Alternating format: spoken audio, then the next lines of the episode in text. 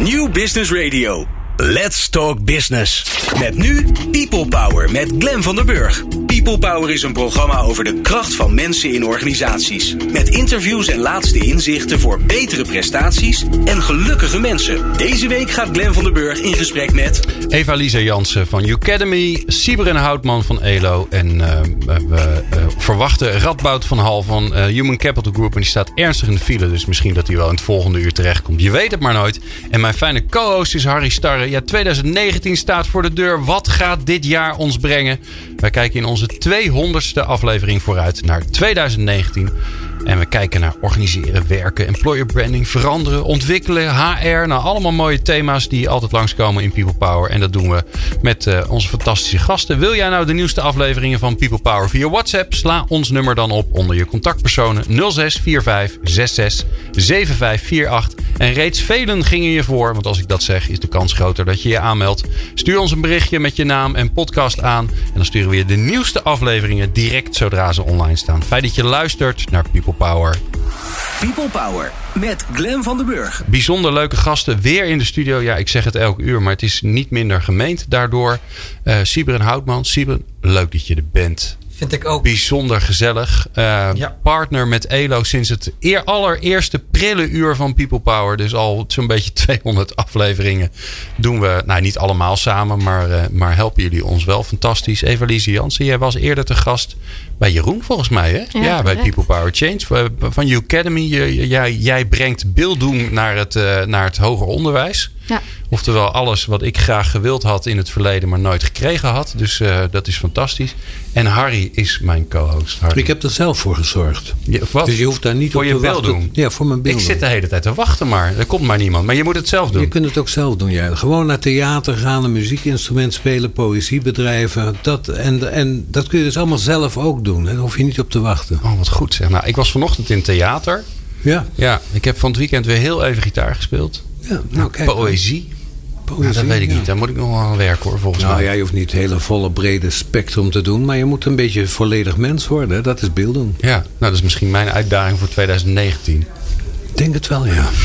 Ja, ik wil het niet al te pijnlijk maken. Maar er is je wel... bent altijd zo is- lief, Harry. Ja, maar vanavond niet. Ik, ehm, ik, ik, ik ga zo meteen Ja, ook een dat hele weer. andere weg inslaan dan normaal gesproken. Daar verheug ik me ja, enorm op. Daarom, dus dat, dat wordt lachen.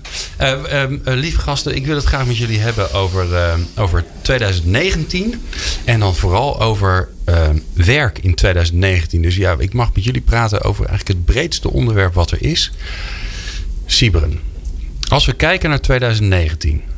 Wat komt er aan? Of laat ik het anders zeggen, want ik weet dat jij dat, dat een fijnere vraag vindt. En ik help je daar gewoon bij. Wat hoop je dat er gaat gebeuren? Wat, waar verlang je naar? Ja, dat, is, dat is weer Ja, leuk. hè? Het is weer leuk dat je nou de vraag weer van. Maar ik, ik wilde juist nou een keer op, gewoon de vraag wel beantwoorden die je ging stellen.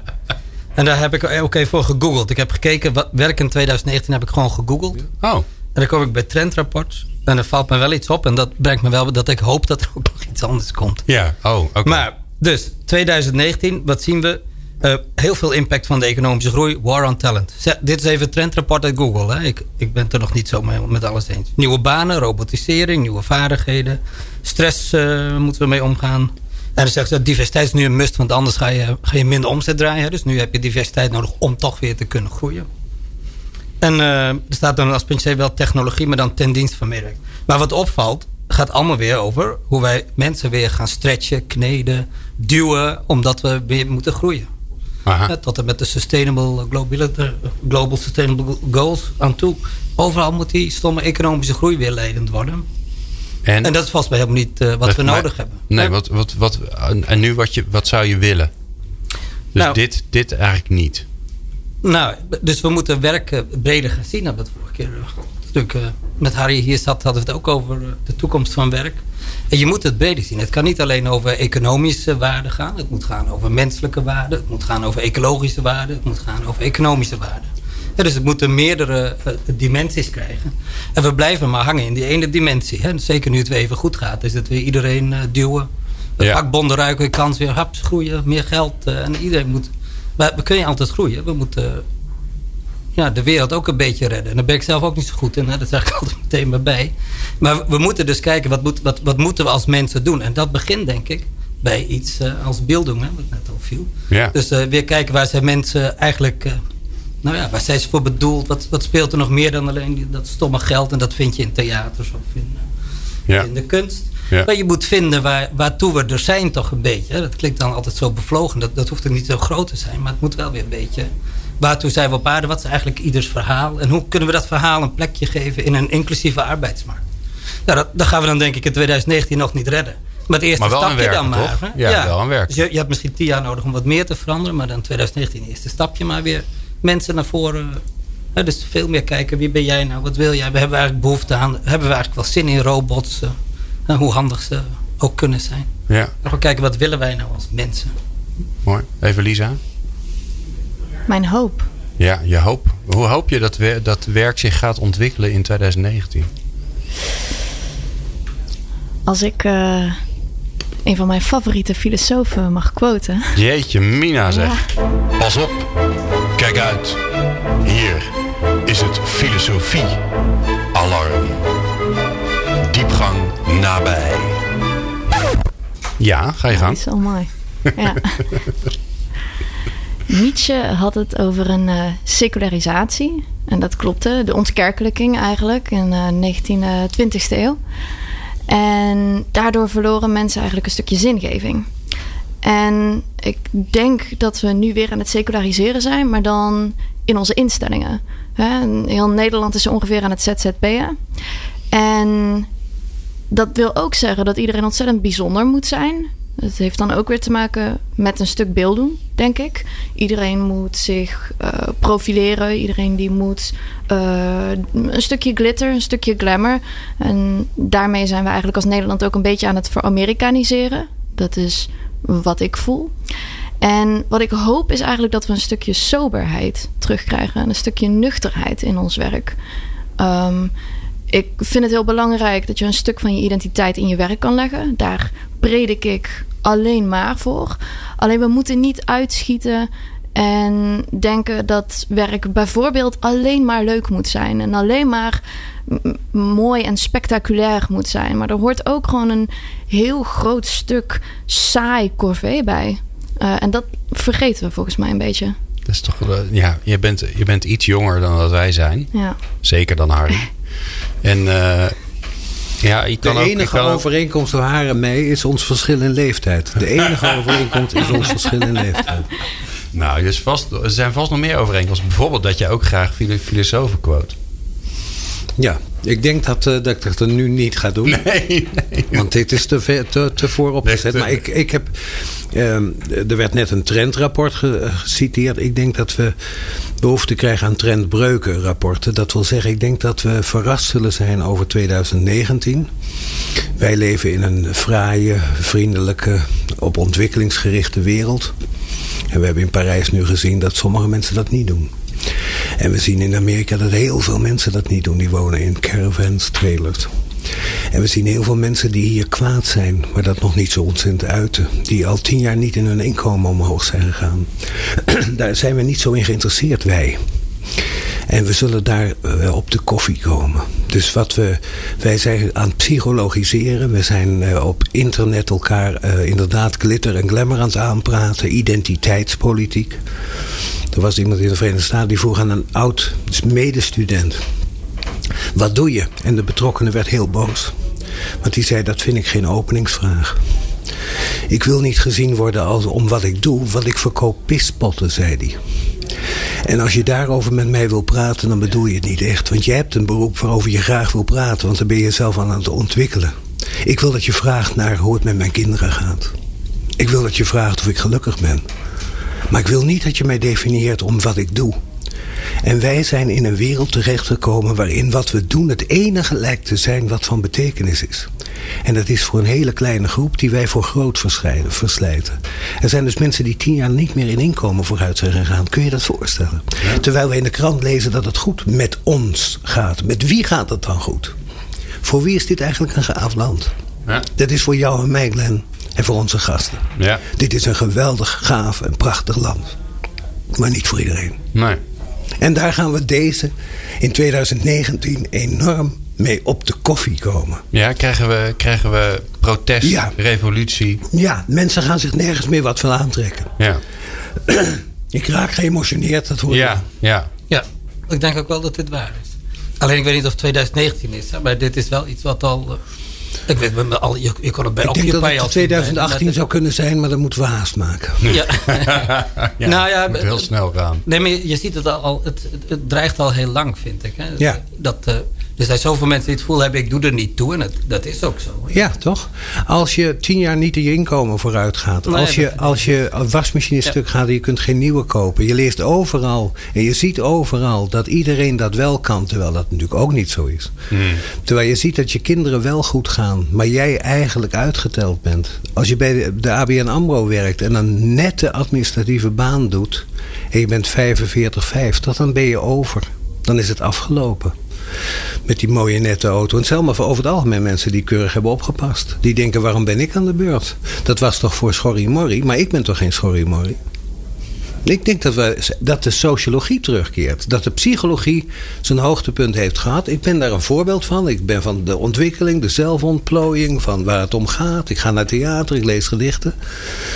Maar ik denk dat we een groepje vergeten zijn dat niet dat zegt: ik heb potverdomme meegewerkt aan deze samenleving en ik krijg er geen deel van. En dat is vreemd. Ja. Zie jij dat ook, Evelisa? Want ik hoor jou eigenlijk ook roep, oproepen van... Ja, dat, dat verheerlijken van je werk en maar, en maar nastreven dat het zo fantastisch moet zijn. Dat, dat, zie ik, dat zie ik anders gaan worden. Er moet meer balans komen eigenlijk. Ja, zeker meer balans. En ik hoor jou heel erg ook praten over het individu. Dus eh, de ik. En dat is inderdaad een stuk personificatie die erg belangrijk is. Maar we hoeven daarmee niet uit de bocht te vliegen. En beelddoen bestaat onder andere uit personificatie, maar ook uit socialisatie. Ja, het collectief omarmen. Ja, inderdaad. Je maakt er een mooie beweging bij. Ehm, en ik denk dat wij als het Westen heel erg goed eh, geïndividualiseerd zijn. Maar we zijn compleet het collectief uit het oog verloren. En ik denk dat wij andere culturen heel goed kunnen gebruiken om te leren wat is een collectief. Hè? Zoals Afrika met zijn Ja, stammen Ubuntu, omgaat. hè, bijvoorbeeld. Ja, Ja. schitterend. En ik denk dat we andere culturen niet meer zo eh, hoeven te zien als een soort. ehm, God, hoe noem je dat? Ehm, primitieve, eh, primitievelingen. Maar ik denk dat zij ontzettend gelijk zijn aan ons. En dat we daarvan moeten leren. En dat we de ogen eigenlijk daarop moeten richten. Dus, dus het collectief. Leren hoe we met een collectief moeten gaan leven. Ja, dus weer van het, van, het, van het ik weer meer naar het samen. En net alsof dat twee dingen zijn die elkaar uitsluiten. Hè? Dat hoeft natuurlijk helemaal niet. Sibren? Nee, ik denk dat dat heel belangrijk is wat je zegt. Hè? Want je verbinden aan een collectief. Ik denk wel dat het belangrijk is dat je dat vanuit je eigen identiteit doet. Hè? En dat je die identiteit toch moet ontwikkelen. En dan in, in collectief samen aan dingen moet bouwen. Maar ik ben wel benieuwd, want de, ik, ik, de- ik moest de laatste kerstspeech houden. En dan zijn er veel mensen die, die eh, van tevoren al een beetje waarschuwen. Doe het nou niet weer zo somber. Maar dat op de koffie komen, eh, waar Harry het heeft. Hij loopt nu echt zwaar geëmotioneerd de ruimte uit. Ja, er zit een nootje verkeerd. Maar die, dat op de koffie komen, dat, ik ben er wel benieuwd naar hoe, hoe we dat in werk terug gaan zien. Want ik denk ook dat het komt. Ik, ik, ik denk het ook al zo lang dat ik me afvraag of waarom het nou ineens 2019 wel zou hebben. Want het had ook in in 2015 gekund of Maar het 12. gebeurt altijd als 22. de verwachtingen toenemen. Dus het wij denken altijd dat als het slechter gaat, mensen in opstand komen. Nee, als, als ze zien dat anderen beter gaan. Als je bij Picnic werkt, ik noem de naam maar even, dan ben je in de aap gelogeerd. Nee, maar- maar als je bij Amazon werkt, dan ben je in de aap gelogeerd. En wij praten daar niet over, omdat wij dat niet meemaken, totdat in onze directe omgeving iemand van ons. Ik heb een vriendin die heeft bestuurskunde gedaan, politicologie, zangeres. Je hoort er niet klagen, maar die pakt kerstpakketten in. Ik vind het prachtig werk natuurlijk ook. En zij klaagt er niet over. Maar het is een wereld die wij niet meer bespreken. Die wij niet meer zien. Da- Daar ben ik wel met je eens. Maar dus ik, ik, je hoeft me ook niet te overtuigen dat dit een keer gaat gebeuren. Laten we dat zeggen in 2019. Vind ik ook goed. Maar hoe zou het eruit zien? Hè? Dus komen we op de koffie als op een, een schip dat door de wal gekeerd wordt? Of, of kunnen we het nog een beetje sturen door andere dingen te proberen te agenderen? Dat ik dan... denk dat wij zullen zeggen: kom op, hou nou een net vertoog, beschaafde mensen. Doe nou netjes. Maar dat is altijd de uitspraak van degene die aan de goede kant staat. Nee, zeker. En de ja, we, hadden, we hadden onlangs hadden we uh, een interessante combinatie van mensen. Uh, volgens mij was het op de Maasvlakte of zo, geloof ik. Hè?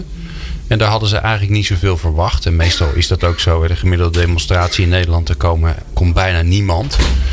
Die cultuur hebben we ook helemaal niet. Maar, uh, maar er stonden ineens best wel veel mensen. En er waren ook uh, er waren, uh, er waren havenarbeiders. Maar er kwamen ook mensen van de politie. Die ze helemaal niet per se uitgenodigd hadden. Maar die kwamen wel. Ja. Dat zegt ook wel wat volgens ja, mij. Ja, zeker. Maar ik denk als je naar Frankrijk kijkt. Daar is het overduidelijk hoe labiel dat is. Hè? Hoe makkelijk dat hoe makkelijk dat tot een soort uh, revolutionaire dynamiek kan leiden, denk ik. Hè? Ja. mensen echt weer massaal uh, zeggen, inderdaad, wat uh, Harry net zei. Ik trek me er niks meer van aan. het is wel, ik ben er klaar mee gewoon. Ja. En dat is... ja, nou kunnen die Fransen dat heel goed, hè? Die zijn dat gewend. Die, die, die ja, maar je ziet, je ziet wel dat de massa toeneemt. Hè? Ik dat, dat toen uh, Occupy voor het eerst was, toen dacht iedereen nog dat er een idioot op een plein zit. Maar daar zag je natuurlijk dat er, dat er al heel veel onder de oppervlakte aan dit soort sentimenten. Nou, terecht ook, want het sentiment klinkt alsof het niet terecht is. Maar vergeten mensen en, uh, en vergeten. Uh, iedereen duidelijk te maken dat, dat je ertoe doet. Nou ja, voorbeeld uit, uit hè, network de film uit 1976, waarin een anchorman uh, op the way down is, de ratings gaan naar beneden. In één keer toont hij zichzelf. Die nette anchorman wordt ineens boos. En in de boosheid krijgt hij steun. En de ratings gaan omhoog. Dat is 1976. Net heeft Ivan van Hoven in Broadway Network op de planken gebracht. En wat zijn de recensies? De tijdgeest perfect te pakken. Ja, De boosheid die wordt geuit, wordt in de zaal begrepen. En ik denk dus dat we dansen op de vulkaan. En dat we dus ons moeten voorbereiden op niet zulke leuke gesprekken. Minder aardig. Er komt wel eens een steen uit de straat. Dan gaat wel eens een auto in de brand. En wij zeggen dan, maar zo doe je toch niet. Dat, is mijn, dat zou mijn vertoog zijn. Dat staat niet in het trendrapport. Nee, dat kan er niet in komen. Nee, dat trendrapport vind ik niet zo belangrijk. Nee, nee maar ik bedoel daarmee, maar... je ziet daar alleen maar keurigheid. Ja, zeker. Ja, je, en je ziet weer de dimensie van uh, hoe, hoe, gaan we iedereen weer voor dit karretje van de economie spannen. Ja. En dat zijn maar het is een mooie, hè? want Harry die gooit die steen in de vijver. Dus daar ben ik hem altijd zeer dankbaar voor. Want dat is ook een beetje zijn taak hier. Um, uh, wat te doen? Wat moeten we gaan doen? Werk in 2019. Hoe zorgen we ervoor dat mensen zich weer gehoord, gevoeld, betrokken, gewaardeerd uh, voelen.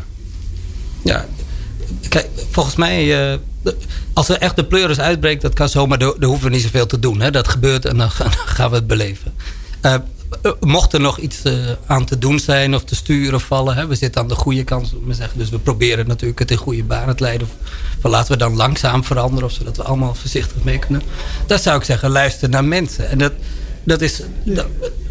ik denk voordat je aan collectieve doelstellingen toekomt... hoewel misschien eh, ecologische rampen kunnen je ook weer verenigen... als echt een keer daar de pleuris uitbrengt. Dat je op die manier collectief op... Maar anders denk ik, als we nog een beetje doorsudderen... moet je die, dat suddermoment wat er nu nog is gebruiken... om te vragen aan mensen... wat beweegt jou nou echt? En, en wie ben je? Dat hoeft niet een heel hip of uh, belangrijk of fantastisch verhaal te zijn... maar gewoon terug voelen naar wat jij echt belangrijk vindt. En ik denk dat dat luisteren naar mensen is... Er is een eens even graaf horen om een. Hè, die zegt, uh, behandel anderen. Ja, dat is een filosoof. nee, nee, dus, nee, ik zal het laten. behandel anderen uh, zoals, uh, zoals zij behandeld willen worden. En niet zoals jij behandeld wil worden. Dat vind ik een mooi verschil. Hè. Van de, de, die die, die ja. golden oldie van doe maar lekker. Zoals jij denkt dat het goed is, moet je een ander ook behandelen. Probeer nou eens te kijken hoe wil de ander behandeld worden. En probeer daarmee te gaan. Zodat je echt elkaar weer leert kennen en snapt wat iemand belangrijk vindt. En dan gaat het niet om een, om een sterrenverhaal of een, of een hip en glamorous eh, ding. Want dat is natuurlijk weer het gevaar, het gevaar als je iedereen naar zijn verhaal vraagt. Dan denkt iedereen, dan moet ik een fucking glossy Linda kunnen laten zien. Maar dat hoeft niet.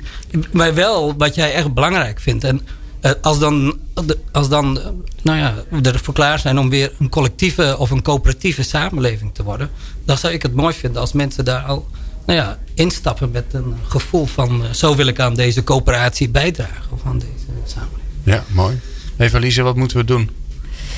Ja, dat is een goede vraag. Want ja, we hebben het over... Uh, de kanteling van hoge en lage inkomens en het werk wat daaraan verbonden zit.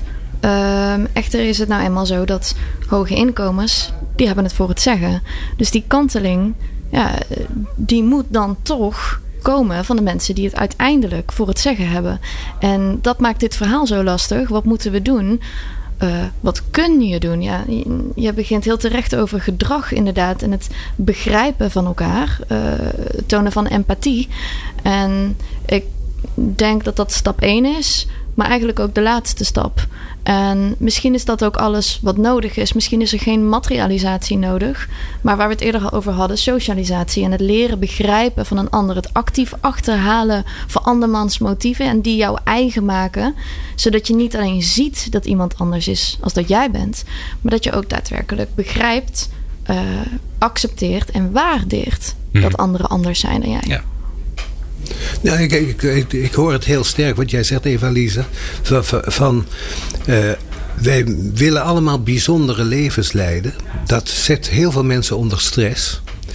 Terwijl we eigenlijk te weinig waardering hebben voor het gewone leven. En dat is het bijzondere karakter van het feit dat je elke zondag naar je grootouders of je ouders gaat. Ja. En dat je daar een punt van maakt. En dan kan ik wel zeggen, wat een klein burgerlijk bestaan. Hè? Vanuit de, maar het is wel kwaliteit dat je dan altijd naar je ouders. Wij gaan, gingen altijd naar onze ouders op zondagmiddag om vier uur. Ja. En dan, eh, ik hoorde een student, er schreef een student ik heb niets bijzonders te vertellen. Wat ben, omdat zij op internet allemaal bijzondere verhalen. Zei ze, ja, ik heb een hond, maar ja, dat is zo'n beetje alles. Dus wat zal ik daar nou voor ophef over maken? We maken elkaar volledig gestoord op dat punt. Ja. Je moet een bijzonder verhaal vertellen, maar een bijzonder verhaal kan ook heel gewoon Juist, dus het is een herdistribuering van normen en waarden. Ja, ja zeker. Ja, en het. En, uh, dat is wel moeilijk in één jaar. Maar het, is... het was wel, ja. nou ja, hè? het is wel wat nodig. We moeten ook zorgen dat we wat te doen hebben en waar we wat over te kletsen hebben vorig, volgend jaar. Nou, ik vond het wel mooi. Uh, uh, ik was laatst op een congres en daar sprak Bram Bakker, ja. een psycholoog. Leuke psychiater, man. Ja. Psychiater, geloof ik zelfs. ja. Ja. Ik was zelfs, een eenvoudige oh, jongen, ik weet het verschil helemaal niet. Psycholoog is een hele gewone man, dat is veel Een psycholoog die ook arts is. Ik, ik ben een bedweter. Ja, en hij is ook nog uitgever. Oh, is die man doet heel veel dingen. Die, die, die heel veel bijzonder, zo iemand die heel veel bijzondere dingen doet, dat je denkt, ach, hè, die ben ik dan. Maar anyways, was een, is een hele leuke, aardige man. En die had het over mindfulness. En die zei, weet je hoe ze dat vroeger noemden? Mindfulness. Vissen. Vissen, ja. Of breien. Breien. Breien. Dat je uh, grootmoeder op de bank zat en zat te breien. En tik, tik, tik, tik, tik, tik, tik. En dan ging je volledig weg. En vissen is net zoiets natuurlijk. En volgens mij, um, um, uh, wie was er nou laatst? Oh ja, en mijn uh, een goede, goede vriend van mij, die ik bijna elke week uh, zie, omdat we gewoon dan met elkaar gaan eten. is ook zo'n heerlijk klein burgerlijk ding waar wij heel blij van worden.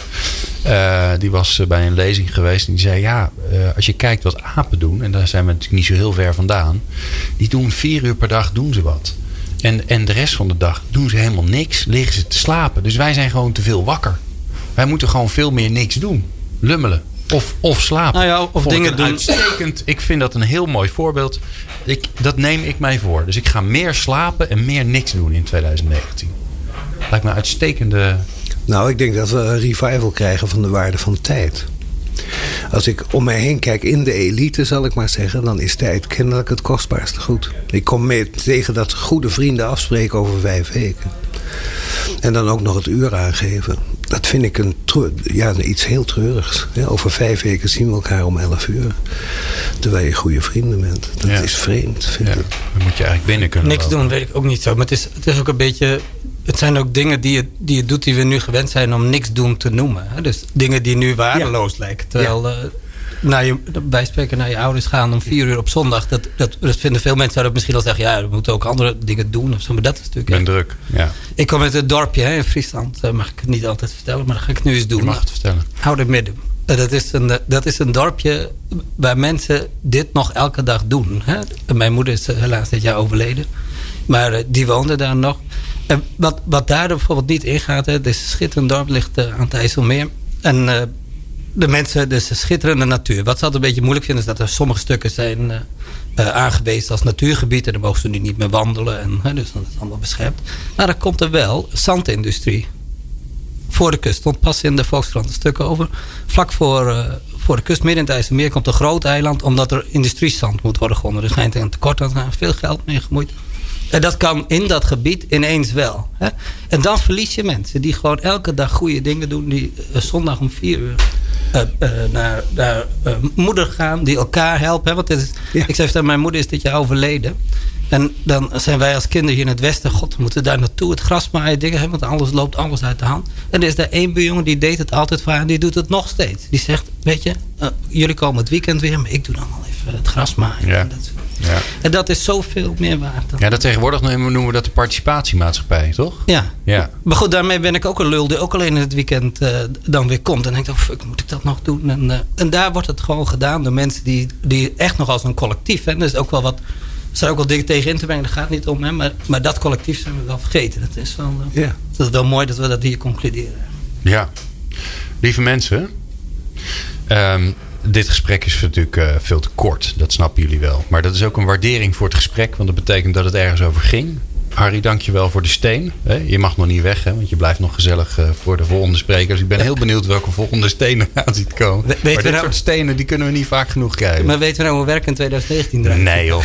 Nee, maar daar gaan we volgend jaar weer uh, iets van uh, 80 afleveringen over maken. Nou ja, dus ons soort werk weten we het eigenlijk wel van. Hè? Meer ja. individueel, meer onszelf ontwikkelen. Meer naar je plezier luisteren. Je passie volgen. In elkaar, in elkaar geïnteresseerd. Dat klopt allemaal wel. Maar de sociale vraagstukken die komen terug. En die komen op een manier terug waar we ons over zullen verbazen. Omdat we heel lang blind zijn geweest voor de sociale dimensie. Ja. Het economische voorop, het sociale. Ach. Mooi. Mag ik je bijzonder bedanken. En om met Mart Smeets te spreken, dat doe ik lekker toch. Uh, Eva-Lise Jansen en uh, Sibra Houtman, dank jullie wel allebei dat jullie er waren. En Harry blijft lekker hangen. We praten straks verder. People Power met Glen van den Burg. Meer luisteren? people-power.nl in de studio aangeschoven, dwars door de files zich geworsteld. En daarvoor uh, natuurlijk zeer gewaardeerd. Uh, Radboud van Hal van de Human Capital Group bij People Power. En Harry Starre is uh, nog steeds mijn, mijn co-host. Um, ja, we, we, kijken vooruit naar 2019. En dat doen we, dat doen we al een tijdje. In, in, in de, wat is aflevering 4 denk ik zo'n beetje. Ja, het vierde uur van People Power. Um, ja, um, HR, Human Resources. Mogen we het eigenlijk in 2019 nog zo wel noemen? Want iedereen heeft het altijd over die naam. Hè? En, ik hoor eigenlijk nooit iemand zeggen: ja, dat, is een, dat, is een, dat is een uitstekende naam. Moeten we het misschien eens een keer anders gaan noemen, Radboud? Nou, goedenavond. ja. Ja, dit, dit is wel typisch een HR-discussie om het altijd te hebben over de naam en over wat doen we nou en waar zijn we nou mee bezig. Uh, ik zou het gewoon hebben over hoe ga je fatsoenlijk om met je personeel. En hoe gaat je personeel goed om met zijn manager. Want ik denk dat er eigenlijk, als je kijkt diep en analyseert wat er gezegd wordt. Dan is er gewoon een diep verlangen om een fatsoenlijk gesprek te hebben tussen de medewerker en de manager. Ja, en dan kan je dat de Human Relation Manager noemen of Chief Happiness Officer. Maar ik geloof daar niet in. Laten we het gewoon of een personeelsadviseur noemen of afdeling personeelszaken. Of Gewoon weer terug. Gewoon terug. Uh, het is in ieder geval, zij moeten zorgen voor een context in, in het werk. Waar mensen gewoon goed kunnen werken en een beste prestatie kunnen leveren. Uiteindelijk. Ja, maar ik hoor je ook gelijk zeggen: het, het, het gesprek tussen medewerker en leidinggevende. Twee kanten op. Hè. En je zegt niet voor niks ook dat de medewerker op een normale manier met zijn leidinggevende moet omgaan. Ja, dat klopt. Volgens mij gaat het echt over. En daarom noem ik dat ook het verlangen. Het verlangen van zowel de medewerker als de manager om gewoon een goed gesprek te hebben over hoe gaat het hier? Uh, hoe zorgen dat we een goede prestatie met elkaar leveren? Want zowel de manager wil dat als de medewerker wil dat.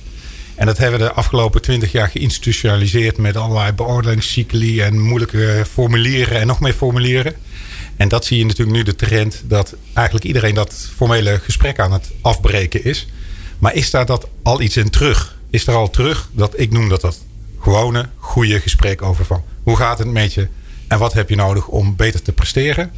En andersom ook van, uh, uh, beste leidinggevende, wat wil je graag dat ik doe? Want ik wil graag ook voldoen aan de wens die jij, uh, die jij hebt. Ja, en zo simpel is het dan. En zo simpel, zo simpel is het. En we hebben dat heel moeilijk gemaakt de afgelopen 30 jaar. En met de trends die we zien van agile werken, iedere dag een dagstart, hoe sta je erbij, een check-in. Dan zie je eigenlijk dat dat weer terugkomt. Alleen wat we dan weer doen, dus schieten we weer af en toe door in het institutionaliseren van dat moment. Omdat we ook wel een beetje bang zijn om dat echte gesprek aan te gaan. Ja, ja. En dan, en dan wordt er tijdens de dagstart gezegd: ja, maar we hebben een kwartier.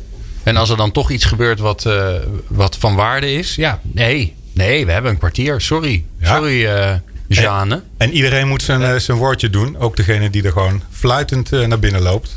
Maar even aandacht voor degene die een lastige avond heeft gehad. Of gewoon te lang in de file stond, zoals ik. Ja. Dat is vaak heel belangrijk. Ja, hoe gaat het met je, Radboud? Dankjewel, Glenn. Het gaat heel, goed met, het gaat heel goed met me. Als ik hier zo zit, dan is het natuurlijk gewoon weer gezellig. Ja, ondertussen komt eh, Jeroen Buescher even binnen eh, vallen. Ja, het is een zoete inval hier. Hey Jeroen. Hey Jeroen. Deed je een, een rare man nou nu, Jeroen, of niet? Jeroen, dan hoor je Jeroen. overigens straks in het volgende uur. Hij is die mijn co-host. Maar die eh, trekt zich, eh, net zoals je dat eigenlijk zou moeten doen, van conventies totaal niets aan. Eh, wordt dat het jaar dan? Harry, hoe zie jij dat? Wordt het jaar van 2019 dat we de opschmuk eraf halen? Dat het weer over de echte dingen gaat? Nou, ik denk dat we de grenzen van efficiency bereiken. En dat we eigenlijk zien hoeveel nadelen die drive heeft. Dus de ironie, ik heb het zelf toen ik directeur was van de Baak mee mogen maken. Dat mensen, dat we zoveel eh, waste, zou ik maar zeggen, tijdverspilling uit de organisaties hadden geduwd. Dat ze dan voor veel geld naar de Baak kwamen om daar twee dagen de ruimte te hebben om elkaar weer te ontmoeten. Dat is eigenlijk treurig. Dus, en dan gingen mensen door de duinen wandelen omdat ze daar niet toe kwamen. Dat tegen een hoge vergoeding. Terwijl eh, vroeger men nog wel eens met één bil op het bureau, bureau ging zitten en een middag verdeed met met elkaar doorpraten. En dan aan het einde van dat, die middag zei: Verdomme, we hadden wat moeten doen.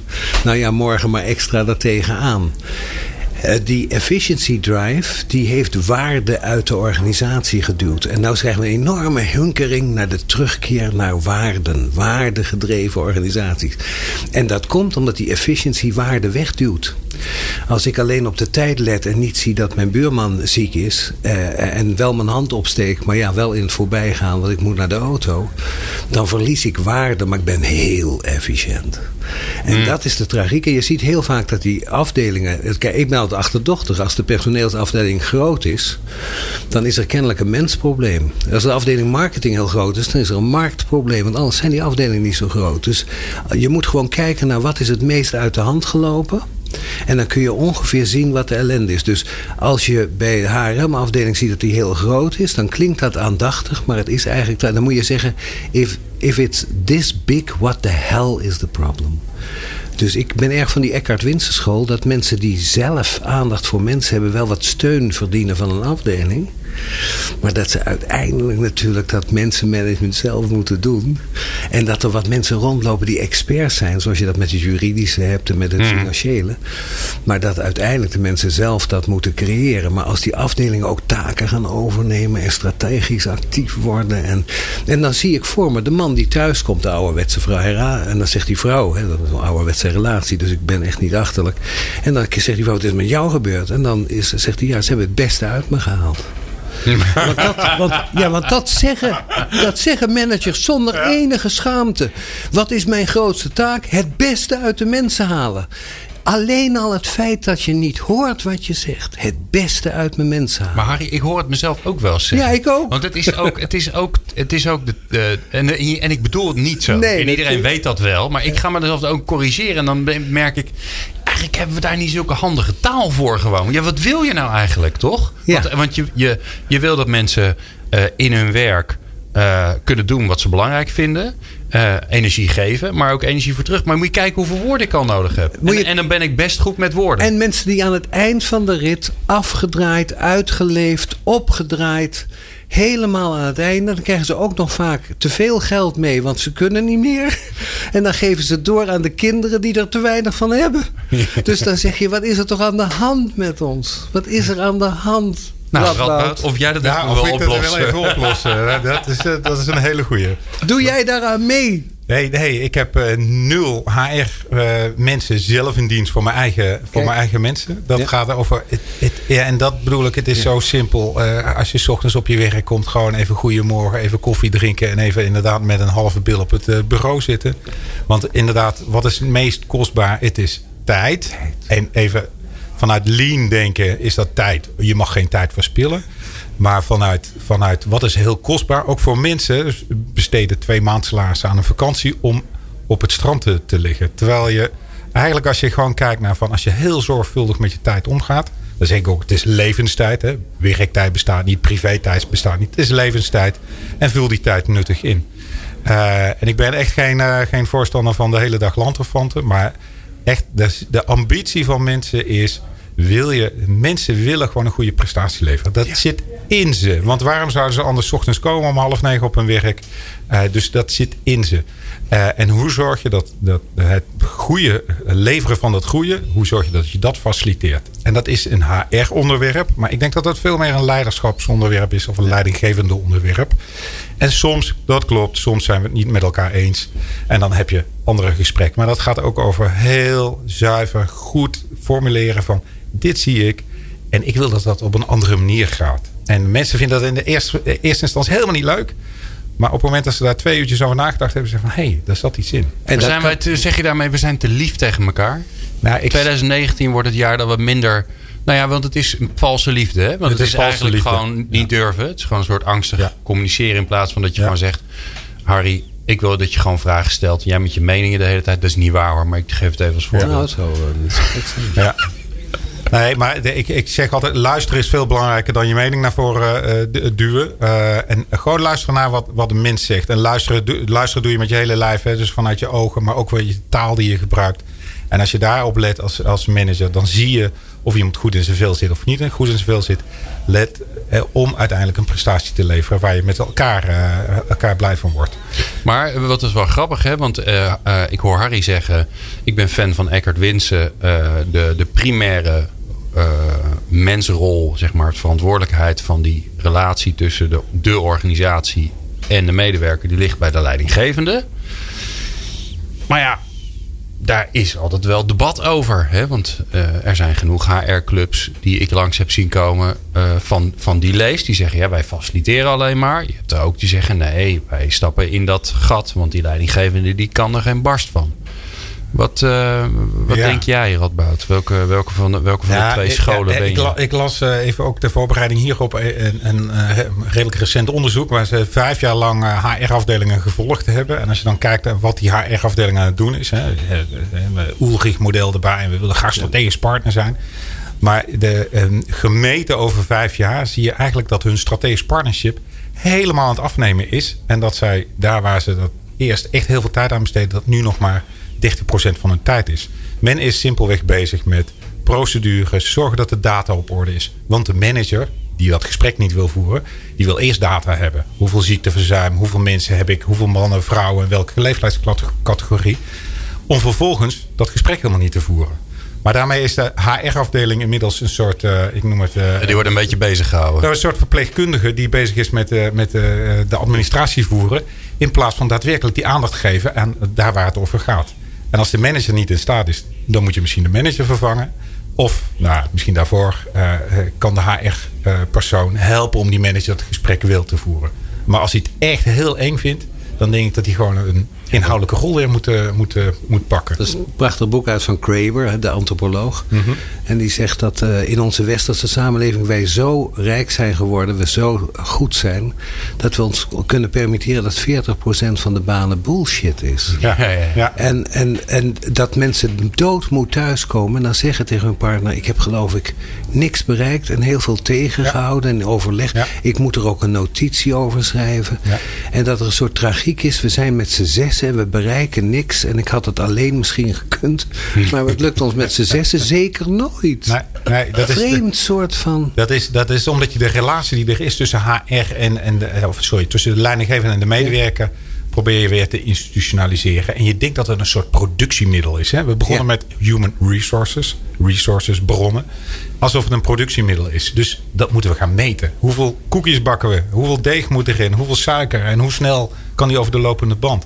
En dat is eigenlijk de vraag die we aan HR stellen. En is dat, draagt dat waarde? Ja. En dan heb ik het ook niet alleen maar over waarde van mensen. Hè, wat ik jou toen straks hoorde zeggen.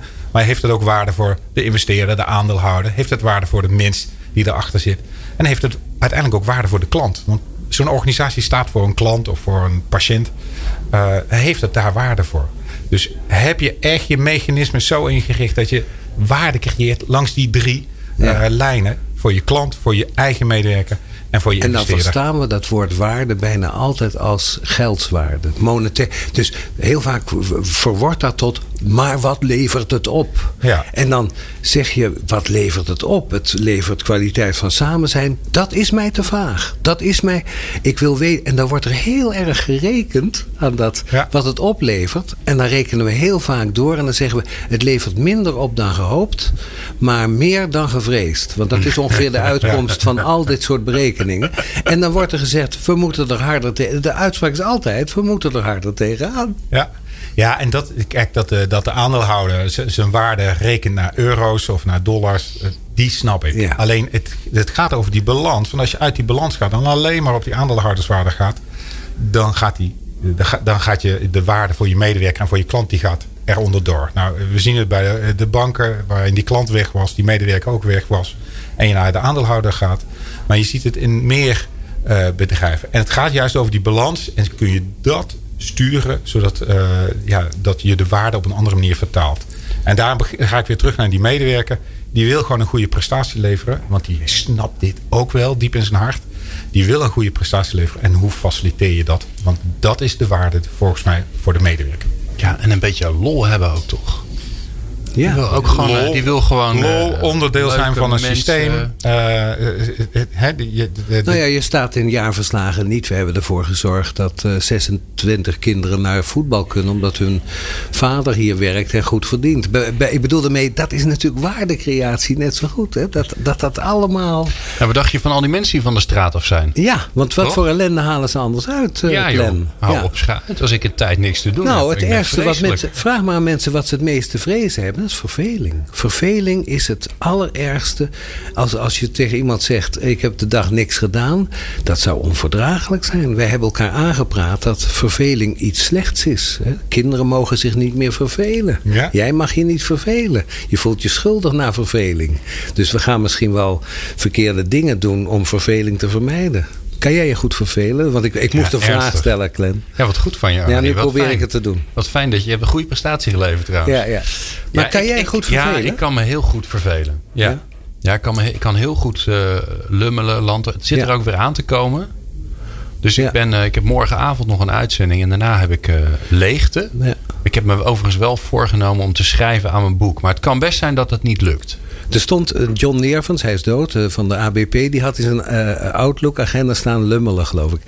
En toen had de ondernemingsraad, die was erachter gekomen wat die man verdiende. Want het stond ook in de krant, veel geld. En die hadden gezegd, is, het, is die man niet te duur om te lummelen? En toen heeft hij dat voor de ondernemingsraad moeten uitleggen. Hij zei, als ik lummel, dan denk ik na over de toekomst. Dan praat ik met mensen. En toen zei ze, dat is eigenlijk best belangrijk. Maar hij zei, ik hoor heel goed wat u zegt tegen de ondernemingsraad. Ik ga het anders noemen. Dus hij noemt dat strategische heroriëntatie. En, en dat staat, stond dan in zijn agenda, hè, twee uur strategische heroriëntatie. En toen zei de volgende ondernemingsraad, die had ook weer in Outlook gekeken. En die zei, eh, even een vraag, kritische vraag aan de directeur van eh, ABP. Besteedt hij niet wat weinig tijd aan strategische heroriëntatie? Gelet op de problematiek waarvoor dit bedrijf staat. En toen zei hij, u heeft gelijk, daar moet ik veel meer tijd in steken. Ja, vier uur. Vier. ja, vier uur. Nog meer tijd. Ja.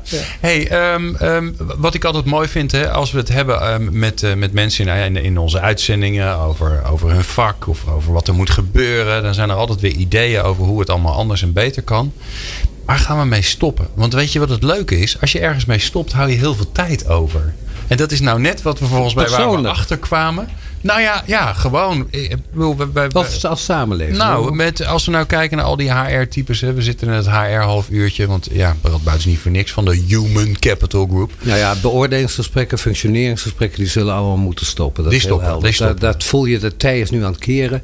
Daar stoppen we mee. Ja. En we krijgen, scheelt een hoop tijd, Dat hè? scheelt een hoop tijd. En dan krijgen we zoiets als ratings. Dat heeft weer een nadeel hoor. Maar dat je eh, voortdurend elkaar ratings geeft. Dat heeft het volgende nadeel. Dat mensen, als je niet oppast, suicidaal worden als hun rating daalt. Hè, want dan krijgen we inmiddels last van. Ik kom uit de wc op Schiphol. En dan moet ik eh, een, Ja. een smiley Moet je zeggen of intikken. je het eh, Ja. Dus wij- wij- nou ja, ons probleem is natuurlijk dat we geen maat kunnen houden. Ik niet, jij niet, maar wij niet. We kunnen geen maat houden. We hebben een goed idee.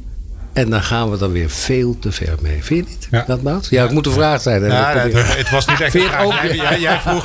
Waar, mag ja waar- zeggen. jij, jij, jij Je mag vroeg ja waar, Waar stoppen, gaan we mee waar stoppen? stoppen we mee? Ja. Uh, ik denk dat we de, ja, de, de beoordeelde de cyclus zoals we dat kennen van de afgelopen twintig jaar, de, die zie je echt af, afbouwen. Uh, en tegelijkertijd is er wel weer behoefte. Ik, ja, ik, ik draaide het altijd om ja. op mijn werk. Van, het is niet een beoordelingsgesprek, maar het is een waarderingsgesprek. En alleen al de taal, door uh, op een andere manier de taal te gebruiken, gaat over van wat zie ik, wat goed gaat. Ja. en daar springt mijn waardering voor uit. Uh, want toch, dat beoordelingsgesprek, iedereen loopt er toch een beetje met klamme handjes uh, dat gesprek in van oeh, wat gaan ze vandaag uh, zeggen? Ook als iemand een topprestatie heeft geleverd. En op het moment dat je het een waarderingsgesprek noemt, dan lopen mensen daarna echt gelukkig naar buiten. En dan gaan ze twee keer zo hard werken. Ja. En tuurlijk heb je af en toe een slecht, slecht nieuwsgesprek. Want er zijn ook nog wel een paar mensen die het echt de kantjes eraf van aflopen. Maar ook dat kun je gewoon. ja, en ik noem dat dan weer het waarderingsgesprek. Of ik noem dat het echte gesprek ga dat gesprek aan. En dat is niet zozeer een HR-taak, maar het is echt een leidinggevende taak. Ja. Als, als leidinggevende, hoe ga je dat echte gesprek weer. Uh, ja, en bijvoorbeeld een lijstje met mensen die te hard werken, waar gewoon goed mee gepraat gaat worden. Ja, die, uh, die, die zegt, heb ik ook. En dat je niet zegt. Dat is toch mooi meegenomen dat hij straks aan een hartaanval overlijdt. Dat is pech, maar in de tussentijd hebben we toch wel harde werker. Ja, en daar zie je wel dat, dat van waarom werk je hard? Hè? Wat, zit de, wat is de, de, de, de, de, de onderstroom? Wat is de echte drijfveer dat iemand. Uh, ik werk veel uh, en, of ik, uh, en ik probeer zo effectief mogelijk te werken. Ja. Ondertussen komt het eten binnen. Daar, daar, daar, kijk, daar waar, het, daar waar het helpt om harder te werken, werk ik hard. Ja? Uh, maar soms helpt het ook niet. Ik sprak laatst met, uh, ik zit toevallig ook met een raad van toezicht. Ja. Uh, de nieuwe directeur. Ik zei van, je moet niet veel harder gaan werken, maar je moet op een andere manier gaan werken. En in plaats van dat je denkt, ik deed al, doe het al het werk wat ik eerst deed. En ik ga daar nog deze leiderschapstaak bij pakken. Van, zorg dat je heel goed kijkt wat je doet. En doe alleen die dingen waar je echt voor. Ik ben voor coach op, op, en ik heb nog nooit tegen iemand gezegd: Het wordt tijd dat jij eens beter je best gaat doen. Nog nooit. Weet je waarom? Als je het op potverdikke me zoveel geld over hebt om met iemand te praten over je werk, dan werk je al hard genoeg. Want dan ben je zo met dat werk bezig. Dan denk ik, dat zal het En dat is bijna nooit het ja, probleem. Maar ik denk dat coachen, ik denk dat iemand die koopt eigenlijk tijd. Ja, wat, je, wat je zei, aandacht. wandelen door de duinen. Ik koop tijd en aandacht. Want de waardering, ja, hij krijgt het niet van de aandeelhouder. Want uh, 10% te weinig omzet of whatever. Dus hij zoekt ook waardering. Ja. En hij zoekt een klankbord. Uh, een veilig klankbord. Waarvan ja. hij weet, als ik het daar tegen vertel, dan verdwijnt dat straks met die mooie wind in de duinen. Ja. Uh, maar het is, het is wel gedeeld. En daardoor is het ook draagbaarder geworden, denk, ik, voor. Is, hè? Ja. Ervan uitgaande dat het uh, heren zijn en dames op, uh, op, niveau. Met, op, op niveau. Want ze kunnen jou betalen. Ja. Ik hoorde laatst iemand die had er een mooie, mooie afkorting voor. En daar ben ik meestal niet zo'n fan van afkorting. Maar deze vond ik wel briljant. want we, we, die zei eigenlijk, ja, als je, als je wil veranderen... Ja. of als je dingen anders wil doen, laat ik het even zo even zeggen dan, dan moet je natuurlijk nieuwe dingen verzinnen. Maar je moet eerst soy oplossen. Soy. Shit of yesterday. Ja, ja. Want als je ja, dat niet doet. Ja. Hè, dus als je de rommel niet opruimt eerst. Ja. En ik denk dat dat ook. Nou ja, dat zou in ieder geval mijn tip voor alle luisterende HR-mensen zijn. Ga nou eens even heel goed kijken naar wat je allemaal in elkaar hebt gesleuteld de afgelopen jaren. En draai er gewoon een paar de nek om. Waarvan je gewoon van iedereen hoort. Ik gebruik het niet. Ik vind het stom. Het is lelijk. Uh, ik heb er niks aan. Het kost me alleen maar tijd. En dat is heerlijk volgens mij. Want je hoeft er niks aan te doen. Je hoeft er namelijk alleen maar te zeggen: we doen het niet meer. Nee. Je moet hè, uit de lucht halen dat portaal waar niemand meer komt. Of dat intranet of die app of weet ik veel wat allemaal. Gewoon mee ophouden. ophouden. Rommel opruimen. En dan zou het goed zijn als bijvoorbeeld de afdeling marketing zegt: die klanten, daar hebben we alleen maar verdriet van. Zij worden ook niet ja, gelukkig. Stoppen we ook mee. Stoppen we mee, doen we niet meer. Dat, dat, uh, daar stoppen we veel te veel energie in en eigenlijk heel veel verdriet. Ja. Ja, en wat je, wat je dan zie, ziet, ook op het moment dat je dat zegt, we stoppen ermee, ook ja. met klanten. Uh, dat, dat, dat, die klanten dan, nee, op dat moment realiseren van, oh, maar er zat heel veel waarde in. Ja. En uh, op dat moment krijg je juist een nieuwe, nieuwe relatie met die klant. Die Heb jij dat van, niet gehad met een vriendin? Dat een vriendin zei, ik maak het uit. Dat je dan meteen Goed zei, idee. oh, dan moeten we eens goed praten. nou, nu, ben- nu heb ik al sinds 1991 een relatie met uh, dezelfde vrouw. Dus Maar je uh, moet je toch wel iets herinneren van de tijd daarvoor. Ja, niet? ja, nee, die, die, grote herinner ik me wel. Maar dit- eh, ook, dit is wel een recent voorbeeld dat je inderdaad bij een klant zegt van... Kijk, we hebben al deze afspraken echt in een telefoonboek aan, eh, aan een contract met eh, regeltjes, nog regeltjes. En alle juristen en compliance officers, risk officers hebben naar gekeken. Ik zei, ja, maar het levert mij niet op. En ik denk ook niet dat ik de waarde toevoeg uh, bij jullie.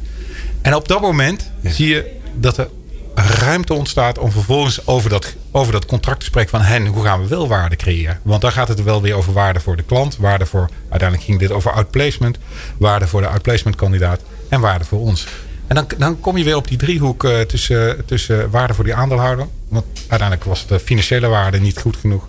Waarde voor mijn medewerker die denkt van ja, ik, ik werk hier, maar het verdient niks. Uh, en waarde voor, uh, waarde voor je klant. Ja. Die ook zoiets heeft van hey, ik wil wel iemand die echt gefocust is op wat wij willen oplossen hier. Mooi.